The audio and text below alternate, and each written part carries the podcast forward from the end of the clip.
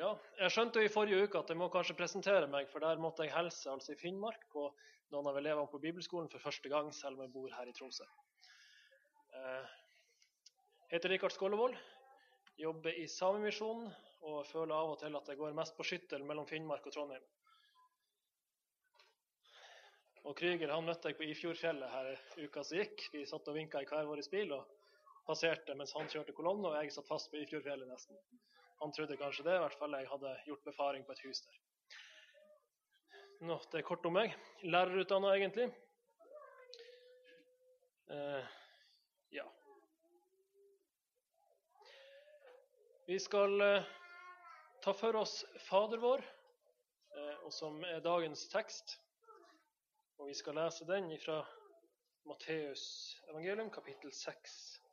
Og vi leser fra vers 7 og utover.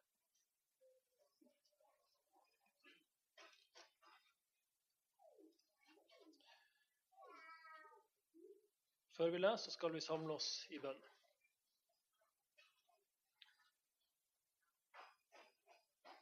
Kjære himmelske Far, la oss nå få se inn i ditt ord.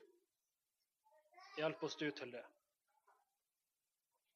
Så vi kan få ei nådestund hos deg.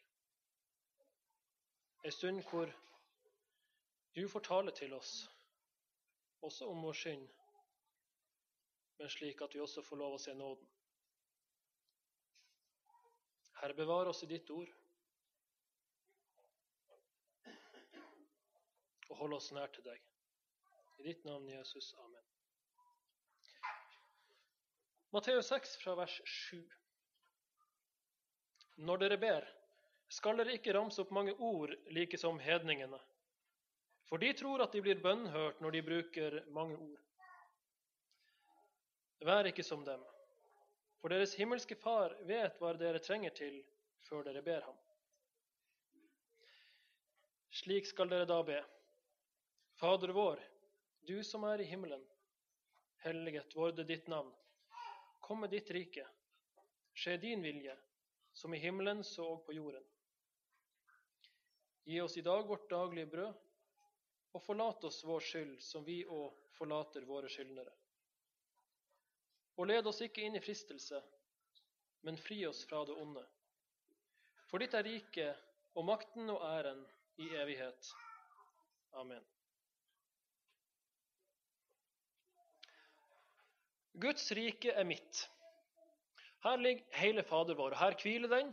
I Guds rike er mitt. Her har det også sin nød at Guds rike må få lov å være mitt. Og her ligger også lengselen i hele denne bønna. Vi går til Johannes 18, og så leser vi noen vers der. Og Vi blir å være en del i Johannes evangelium, i det som Jesus sier i Jesu ypperste prestelige bønn. Johannes 18 fra vers 33. Dette er etter at Jesus er tatt. Og Der står det Pilatus gikk da inn i borgen igjen. Han kalte Jesus fram for seg og sa, Er du jødenes konge? Jesus svarte ham, Sier du dette av deg selv, eller har andre sagt deg dette om meg? Pilatus svarte, Jeg er vel ikke en jøde. Det er ditt eget folk og yppersteprestene som har overgitt deg til meg. Hva har du gjort? Jesus svarte, Mitt rike er ikke av denne verden. Var mitt rike av denne verden, da hadde mine tjenere kjempet, så jeg ikke skulle bli overgitt til jødene. Men nå er mitt rike ikke av denne verden. Pilatus sa da til ham, Men konge er du altså? Jesus svarte, Du sier det, jeg er konge. Til dette er jeg født, og til dette er jeg kommet til verden, at jeg skal vitne for sannheten. Og hver den som hører hver den som er av sannheten, hører min røst. Guds rike er ikke av denne verden, som det står her. Og det er det eneste lille poenget vi skal ta ut av den teksten der. Men hans rike er ikke av denne verden. Hadde det vært av denne verden, så hadde de kjempa for han. De hadde dratt sverd. Men de gjorde ikke det, for hans rike er ikke av denne verden.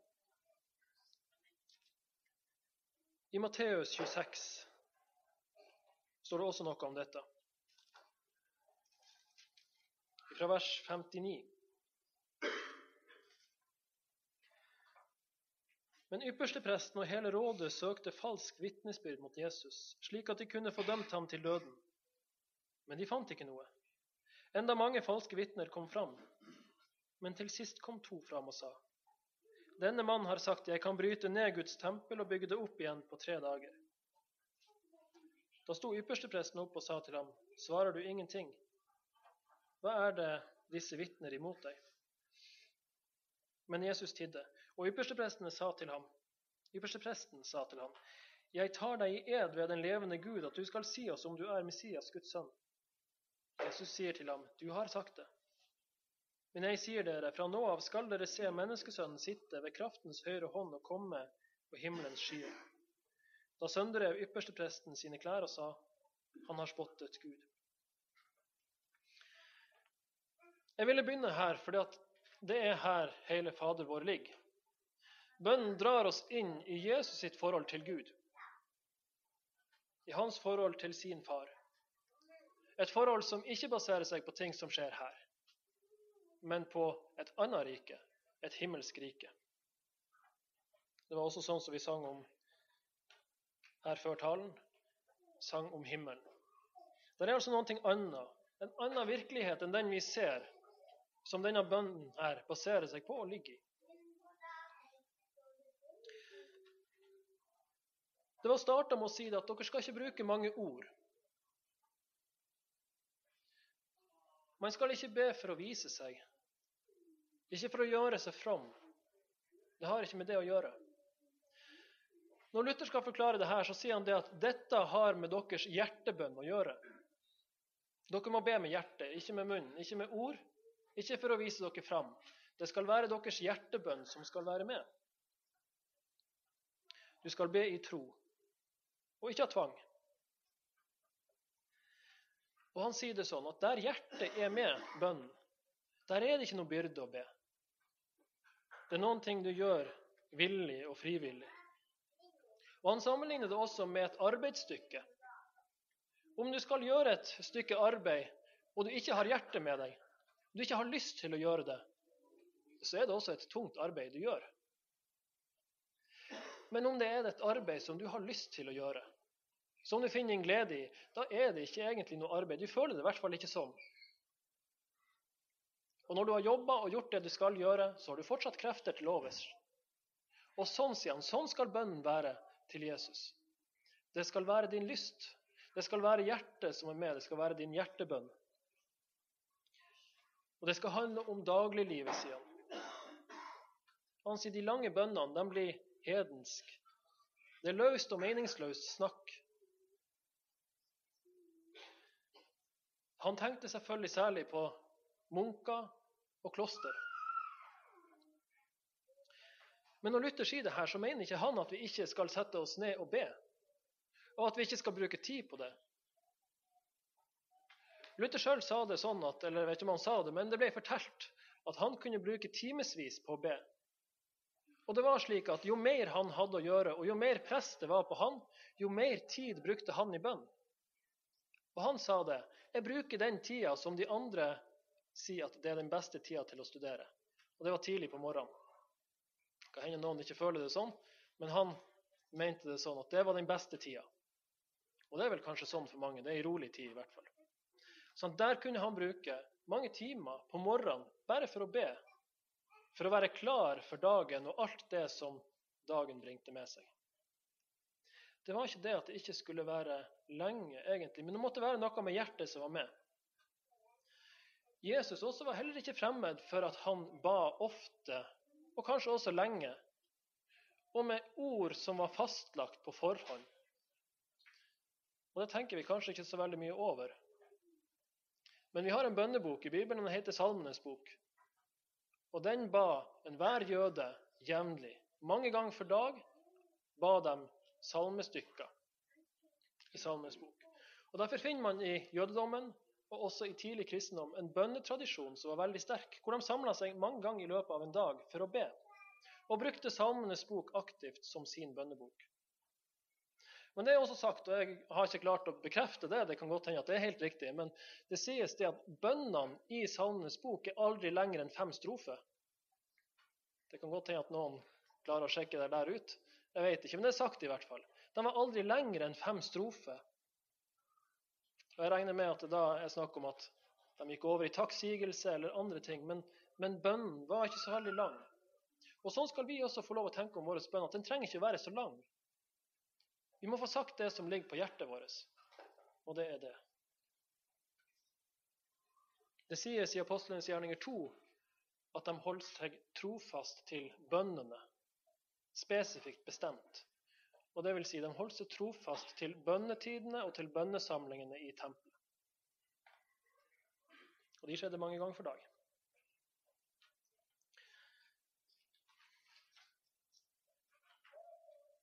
Det skal være en hjertebønn. Og Derfor kan det også bli sånn som jeg opplevde det en gang når jeg satt og ba Fader vår. Jeg prøvde ofte å leve meg inn i bønna på et vis. Høre hva det var jeg sa, for å få det med meg, for å gjøre det sånn at det var jeg som ba disse ordene her. Og da ble det en gang jeg satt og ba.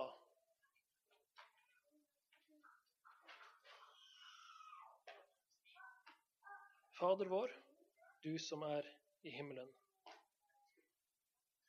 Helliget det ditt lam, kom med ditt rike. Og Det var som du ropte i meg, nei, ikke kom. Ikke kom nå. For jeg skjønte hva det betydde for meg og i mitt liv. For jeg visste det at da, på det tidspunktet der, var det så mange ting i mitt liv som gjorde at jeg tenkte nei, kom ikke nå. Kom senere en gang. Jeg må få ordna opp i en del ting. Og da har du dratt rett inn i bønnen. Og da tror jeg du er der du skal være. Fordi at bønna har gått deg til hjertet, og den har blitt levende for deg. Og du har skjønt hva du ber om. Ikke at det alltid skal være sånn. Kanskje har man det godt med Gud. Og så ber man like fullt La ditt rike komme. Og så er det hjertebønna, det er lengselen. Men det er noe med at man dras inn i bønna, og at de bønnene som er der, blir levende for en. Og da er det sånn at de forskjellige bønnene taler til en på forskjellig tid. Men det er noe med at du dras inn i bønna. Og Fader vår omhandler egentlig alle ting som den trenger å omhandle for vårt liv. Det angår vårt kristne liv, og det angår vårt verdslige liv. Den har med seg alt, og er i sum alt vi trenger å be om.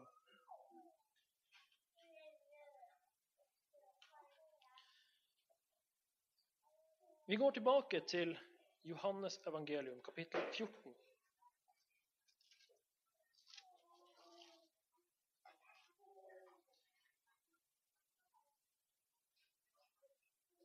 Johannes 14, fra vers 7 til 10. Hadde dere kjent meg, så hadde dere også kjent min far. Og fra nå av kjenner dere ham og har sett ham. Philip sier til ham, Herre, vis oss Faderen, og det er nok for oss. Jesus sier til ham, Så lang en tid har jeg vært hos dere, og du kjenner meg ikke, Philip. Den som har sett meg, har sett Faderen. Hvordan kan du da si, vis oss Faderen? Tror du ikke at jeg er i Faderen og Faderen i meg? De ord jeg taler til dere, taler jeg ikke av meg selv, men Faderen, som blir i meg, han gjør sine gjerninger. Det er sønnen som er ett med sin far, som ber Fader vår, og som lærer oss å be den. Og de har et helt særegent nært forhold. Og Det er også der vi skal se bønn. Og Flere som har utlagt dette, drar det også i den retninga der, hvor de sier at se hvem som ber. Det er Guds sønn som ber. Og han gir oss den bønna. Han drar oss med den bønna inn i sitt forhold til Faderen. Og vil at vi skal ha det forholdet som han har med Faderen. Og han sier 'Jeg og Faderen er ett'. Og Derfor sier han også senere i Johannes, nei, i Johannes evangelium, kapittel 17, og fra vers 14 og utover. Jeg har gitt dem ditt ord. Og verden har hatet dem fordi de ikke er av verden, like som jeg ikke er av verden. Jeg ber ikke om at du skal ta dem ut av verden, men at du skal bevare dem fra det onde. De er ikke av verden, like som jeg ikke er av verden. Hellige dem i sannheten, ditt ord er sannhet. Like som du har utsendt meg til verden, har også jeg utsendt dem til verden. Og jeg helliger meg for dem, for at også de skal være helliget i sannhet. Jeg ber ikke bare for disse, men også for dem som ved deres ord kommer til tro på meg. At de alle må være ett, like som du, far, i meg og jeg i deg. At også de må være ett i oss, for at verden skal tro at du har utsendt meg. Den herlighet som du har gitt meg, har jeg gitt dem, for at de skal være ett, like som vi er ett. Jeg i dem og du i meg for at de skal være fullkomment til ett, for at verden kan kjenne at du har utsendt meg og elsket dem, like som du har elsket meg. Far, jeg vil at de som du har gitt meg, skal være hos meg der jeg er, for at de skal se min herlighet som du har gitt meg. Fordi du elsket meg før verdens grunnvoll ble lagt. Rettferdige Far, verden har ikke kjent deg, men jeg har kjent deg. Og disse har erkjent at du har utsendt meg, og jeg har kunngjort ditt navn for dem, og skal fortsatt kunngjøre det, for at den kjærlighet som du elsket meg med, skal være i dem, og jeg i dem. I sted hørte vi om at Jesus og Faderen er ett. Og her tar han det steget videre og sier det at jeg og de som tror på meg, vi er også ett. Og de er også ett med Faderen, for at jeg er ett med Faderen. Derfor er vi alle ett. Og Derfor dras vi også inn i det bildet med ekteskapet, for de to skal være ett. Og det er der Gud vil at vi skal se at det er dette det handler om. Og det er det forholdet han vil dra oss inn i, hvor vi er ett med Gud og med Jesus. Sånn som ektepar også er det.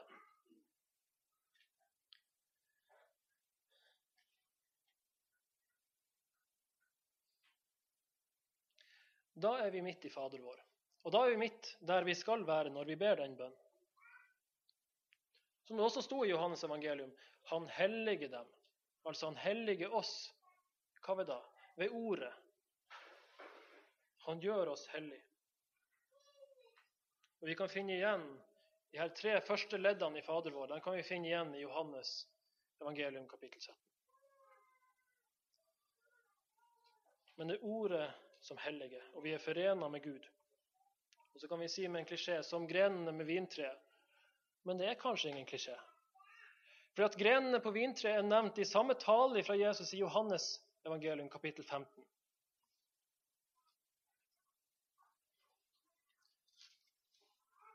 Jeg er det sanne vintre, og min far er vingårdsmann. Hva ligger det i dette? Og Vi skal se litt på det. Jesus er altså vintreet. Men går vi tilbake i Gammeltestamentet, så er for så vidt vintreet brukt som et bilde på Guds folk. Men det kommer litt senere. Vi skal inn på det også. Men der er en vingårdsmann, og han har en vingårdshage. Det kan vi lese om i Jesajas kapittel 5. Men det er altså mange vintrær men det er en vingårdsmann. Og Da ser vi at dette her er kollektivt. altså Det handler om et helt folk, det er mange folk som er der, og det er en vingårdsmann som tar vare på alt. Men Esekiel han drar dette bildet her litt mer inn mot det ene vintreet. Og Det kan vi lese om i Esekiel kapittel 15. Vi skal lese noen vers derifra.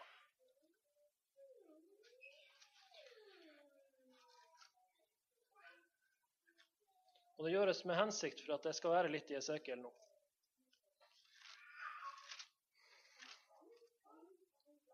Fra vers 2 står det Menneskesønn, hva er vintreet framfor andre trær, et vintreskudd som er vokst opp blant skogens trær?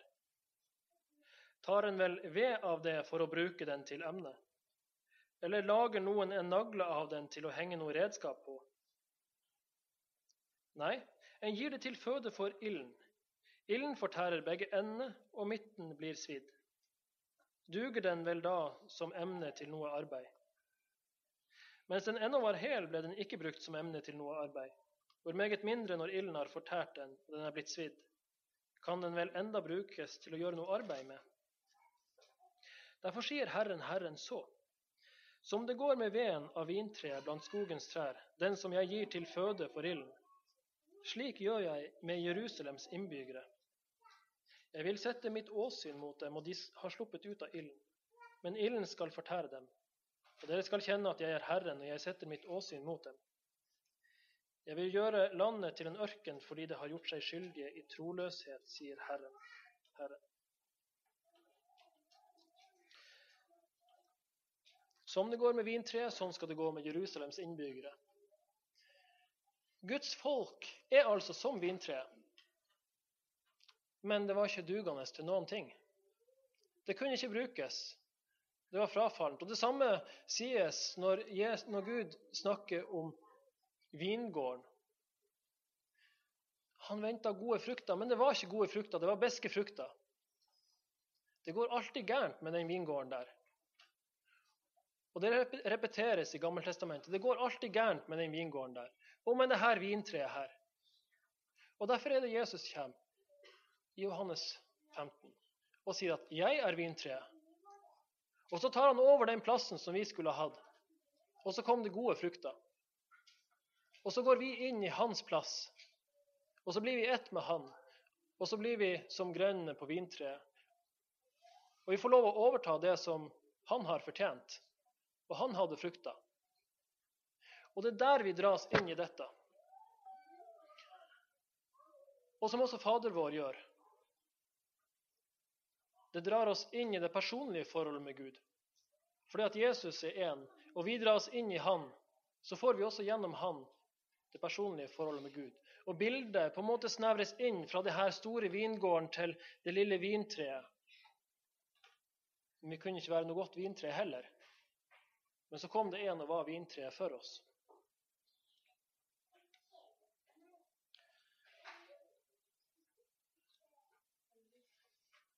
Vi har gått litt ut av teksten, og vi skal prøve å komme litt tilbake til den.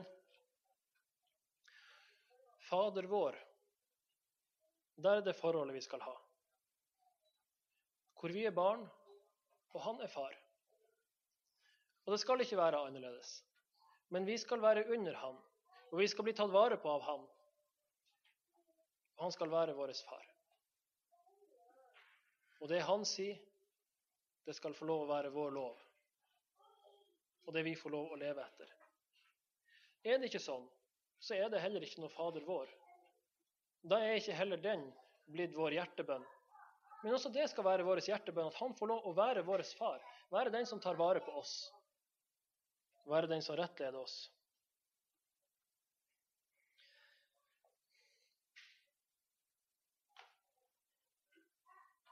Helliget vorde ditt navn, sto det her. La ditt navn holdes hellig. Det er vi kanskje også kjent med.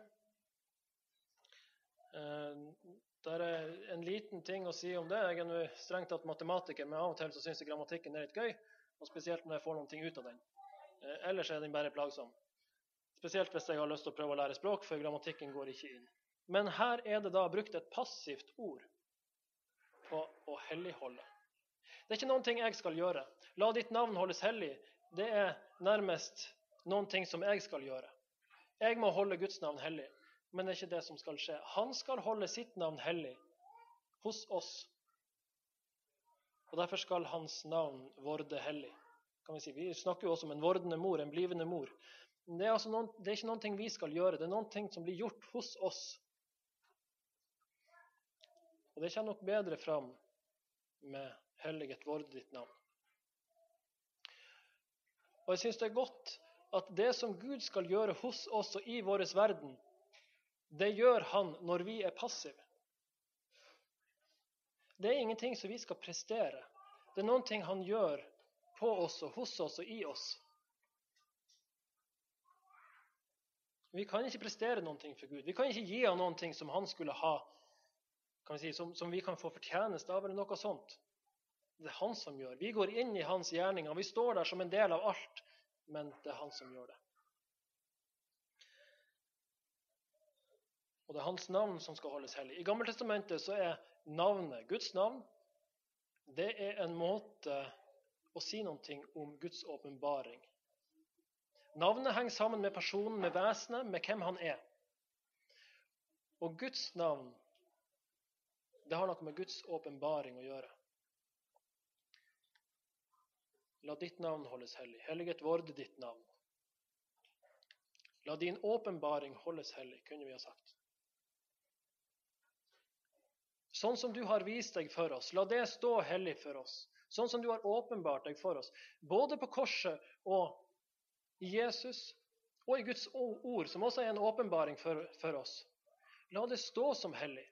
La det få lov å være hellig. La det få lov å være vårt liv det som kommer fra Gud, og som vi holder for å være fra Gud, la det få lov å være sånn. La Guds åpenbaring være hellig. Og Hans åpenbaring er som en ydmyk person, som en korsfesta person. Og vi skal la det få lov å være sånn. Det skal få lov å være det mysteriet som vi får lov å leve i. Jeg sa jeg gikk til Esekiel med en hensikt, og dit skal vi fortsette nå. Vi går til Esekiel kapittel 36.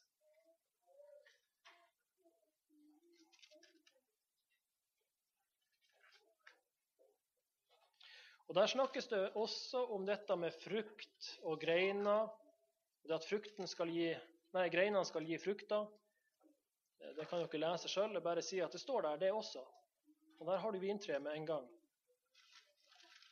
Så jeg tror de henger sammen, og det er en hensikt at de står sånn. Men hvis vi går til vers 16, så står det sånn i Esekiel 36. Og Herrens ord kom til meg, og det lød så. Menneskesønn. Israels hus bodde i sitt land, og det gjorde det urent ved sin ferd og sine gjerninger. Som en kvinnes månedlige urenhet var deres ferd for mitt åsyn. Da utøste jeg min harme over dem på grunn av det blod som de hadde utøst over landet og fordi de hadde gjort det urent med sine motbydelige avguder. Jeg spredte dem blant folkene, og de ble spredt omkring i landet. Etter deres ferd og deres gjerninger dømte jeg dem. Da de kom til de folk som de kom, da de kom til de folk som de kom til, vanhelliget de mitt hellige navn. Og det ble sagt om dem, dette er Herrens folk, og likevel måtte de dra ut av hans land. Det gjorde meg ondt for mitt hellige navn, som Israels hus hadde vanhelliget blant de folk som de var kommet til. Israels folk vanhelliga Guds navn med sine liv. Da kan man kanskje også spørre hvordan lever vi oppi dette? For vi skulle ha levd Gud verdig. Men ofte er det vel kanskje sånn at vi vanhelliger navnet. Eneste grunnen for at jeg har frimodighet til å stå på en talerstol, er ikke mitt eget liv, i så måte, men det er fordi at det er noen ting som skal fram. Noen ting som ikke er mitt. Som jeg kan levere videre. Noen ting fra Guds ord. Jeg står derfor ikke på mine vegne, men på en annen persons vegne. Og Poenget er at respekten for Gud må bevares. Han skal holdes hellig. Og I det siste har jeg hatt det litt morsomt med å skulle prøve av og til å bare lukke øynene. Eller gjøre det stille rundt meg og prøve å høre Jesu røst. Og spesielt fra det som har vært nevnt fra Johannes evangelium. Jesu ypperste prestlige bønn. Og så lytte til de ordene hvor det er sagt 'Jeg og Faderen har rett'. Og videre 'Dere er i meg, og jeg er i dere, og vi er ett. Og samtidig høre de ordene, og samtidig vite at det er Gud som er hellig, som vi ikke kan ha så mye med å gjøre, som sier dette her. Og så blir det et paradoks. Jeg har skrevet mye om paradokser. Jeg syns det er kjempeartig. Og jeg syns man skal bevare dem, for de, de sier noen ting om hvordan Gud er. Han er hellig, ja, og vi skal bevare hans hellighet. Og vi skal ha respekt for han, vi skal ha ydmykhet for han, og vi skal holde oss til hans ord. Og samtidig skal vi vite at han sier, Jesus sier, at vi er ett. Og det henger ikke alltid i hop i vårt hode. Det er ikke alltid logisk, og det er ubegripelig, og derfor kalles det et mysterium. Men vi skal holde de to sammen, og ikke prøve å utviske det ene eller det andre. Men paradokset skal få lov å være der fordi at det sier noe om at vi har et håp. Vi som i bunn og grunn er ganske håpløse. For noen sier det at dette her stemmer jo ikke. Du kan ikke ha en hellig Gud og samtidig ha en Jesus og si at vi er ett, og vi er ett med Faderen. Det går ikke. Og de har rett. Og det er det som er så fint. At paradokset stemmer. Men de har rett. De kan ikke ha noe med hverandre å gjøre. Men det, det ligger der allikevel som en åpenbaring fra Gud. Og da er vi inne på det igjen. Vi skal holde hellig åpenbaringen fra Gud som sier at sånn er det. Det er umulig, men det er Gud som har gjort det sånn. Det er en dårskap for oss. Det er mordet på den ene hellige som gjør oss hellige. Og det henger ikke i hop, men det er sånn det er sagt til oss. Ta derfor ikke bort paradokset i Guds ord. Når du finner ut at noen ting ikke stemmer, det er helt sikkert riktig, det stemmer ikke, men det henger sammen. La paradoksene få lov å stå der. For det er noe med Guds vesen at han er paradoksal. Det er som han sier to ting samtidig, som ikke går i hop. Men det er også det som er vårt håp. Videre i Esekiel Jeg kan ikke gå inn på alle de tingene der, men, men bruk gjerne litt tid på det sjøl. Ta opp den teksten der når dere kommer hjem eller senere. Men videre i Eksekiel så ser dere leddene ifra Fader vår kommer rekke på rad ned igjen. Det starter med dette her å helligholde Guds navn fra Esekiel 36. Videre så kommer dette med 'komme ditt rike' fra vers 24 og 25. La ditt rike komme.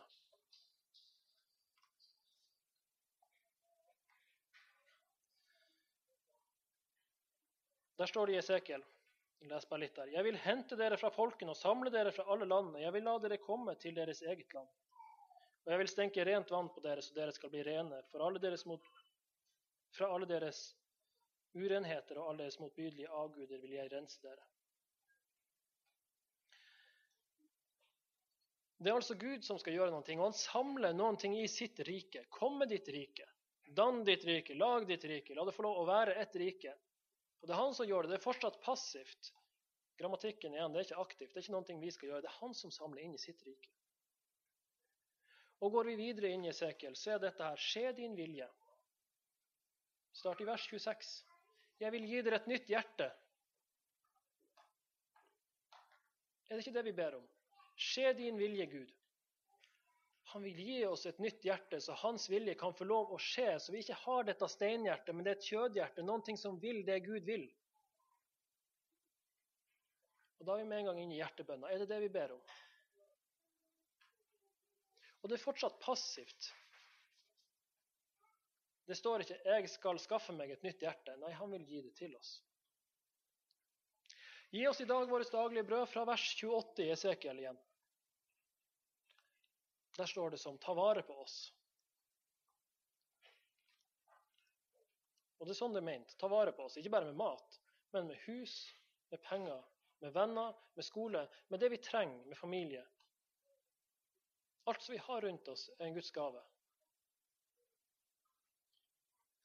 Forlat oss vår skyld, står også i Esekiel fra vers 31. Dere skal komme i hu deres onde ferd og deres gjerninger, som ikke var gode.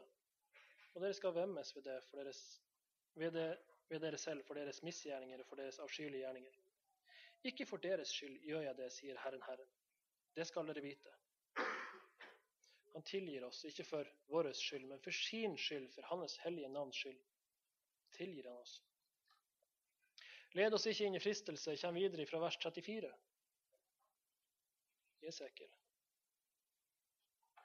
Det landet som var lagt øde, skal bli dyrket, det som lå der som en ørken for øynene på hver mann som gikk forbi.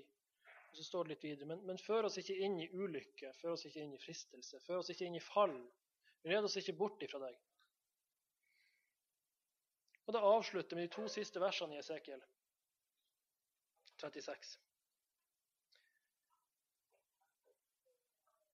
Også i dette vil jeg bønnhøre Israels hus, så jeg gjør det for dem. Jeg vil gjøre det så rikt på folk som en saueflokk, som en hellig jord, som, som Jerusalems jord på dets høytider. Slik skal de ødelagte byene bli fulle av menneskeskarer, og de skal kjenne at jeg er Herren. Han sier hva han skal gjøre, og hva han skal få til. Det er han som har riket, som har makten, som skal ha æren, som skal ha alt dette. Avsluttes der også hos Esekiel. Jeg syns det er greit å se at ting som Jesus sier, det finner du også i Gammeltestamentet. Du finner de samme tingene. Ikke de samme ordene, men de samme tingene. Og det er godt sånn sett å se det at det Jesus kommer med, er ikke nødvendigvis alltid det helt nye. Det du ikke finner ellers. Nei, han har også levd i dette her, i denne Bibelen. Plukka av de samme tingene og gitt det videre igjen. Han har for så vidt også gitt oss Det gamle testamentet, i og med at han også er Gud. Det er jo hans ord like fullt, det også. Denne bønna her med 'led oss ikke inn i fristelse' er også en ganske forferdelig bønn på ett vis. Fordi at den sier oss også at vi tåler ikke fristelsen. Jeg vet ikke om dere har tenkt over det. Men jeg tror det er sånn det er ment. Vi tåler ikke fristelsen. Og Derfor står det 'led oss ikke inn i fristelsen', for vi har ikke krefter i oss til å stå fristelsen imot. Og Derfor er det også en forferdelig bønn som sier noe om hvor svake vi mennesker er, og hvor lite vi klarer å stå imot fristelsen. Derfor sett oss heller på avstand. Og Det er også vår bønn til Gud. Sett oss på avstand fra fristelsen, så den ikke fører oss til fall. Før oss bort ifra den. For stort sett er det sånn med oss mennesker at kommer vi nært nok fristelsen, så har vi ikke krefter til å stå imot. Jeg har tenkt sånn om Salme 23 også. Herren er min hyrde. Det er også på sett og vis en litt forferdelig bønn. Ja, hvorfor da? Ikke fordi det ikke er fint at han er min hyrde, men fordi jeg har bruk for en hyrde, for at jeg er som en sau som går vill her og der og fyker i alle retninger. Og Derfor er det jo en bønn som sier noe om at jeg er håpløs, Gud. Kan du være min hyrde? Kan du gå med meg? Kan du lede meg? Sånn sett er det ikke en forferdelig bønn, for vi vet at vi legger oss i noen hender som vil oss godt, og som er barmhjertige imot oss. Men for kjødet, for oss sjøl, for egoismen vår, så er det jo en litt forferdelig bønn som knekker oss sammen på sett og vis, og sier at prøv nå ikke å gå på egne krefter, du har bruk for en hyrde. Du har bruk for en som går med deg, og som tar tak i ditt liv. Og som viser deg hvor du skal gå, og som henter deg inn når du er på avveie. Det har du bruk for. Og Derfor skal du gå inn i Salmenes bok for eksempel, og be Salme 23, sånn som Jesus også har bedt. Og legge hjertet i det og si at 'jeg har bruk for en hyrde'. Herre, vær min hyrde. Og da skal det ikke mangle oss noen ting.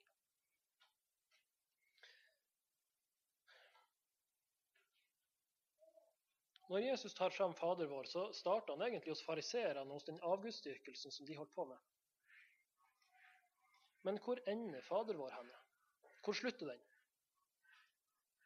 Vi kan gå tilbake til Matteus 6, og så ser vi hvor den ender henne.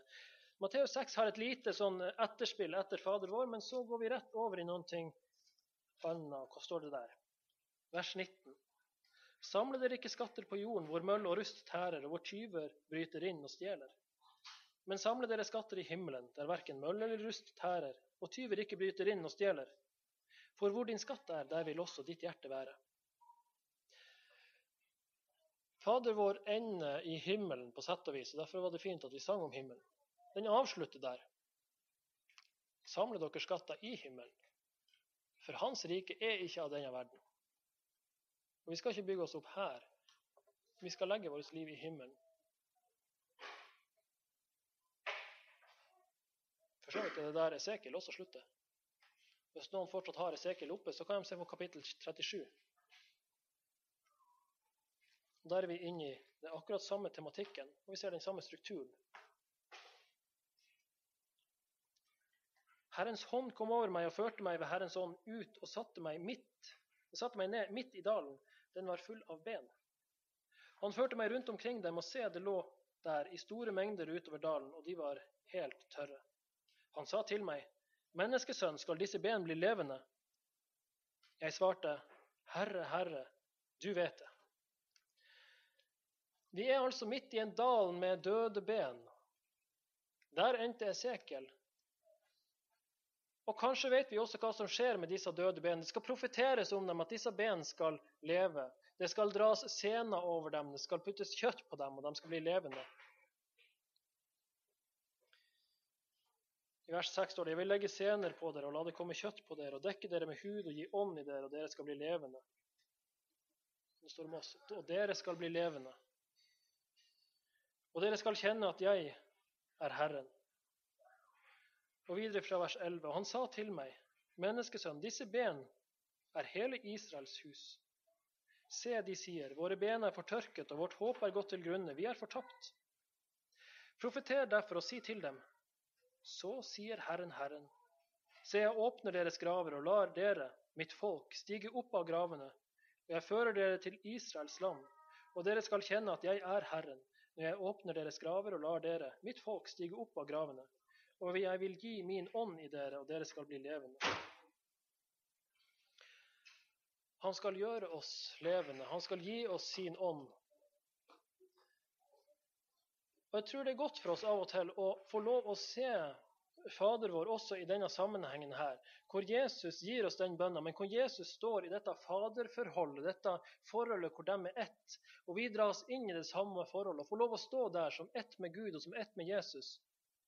Og så vil han også dra oss måte, rett inn i himmelen og legge ankeret vårt der, og si at der skal det hele ende. Der går det hele imot. Men det handler om at vi lever sammen. Så lenge vi går her på jorda. Jeg med Jesus og han med meg, og vi får lov å være ett.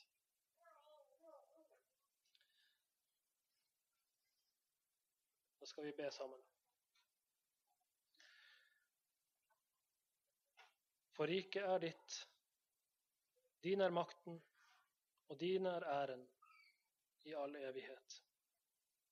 Amen. så er det også godt om talen ikke avsluttes fra talerstolen, men gjerne tas med på bordene eller rundt kaffekoppen eller seinere.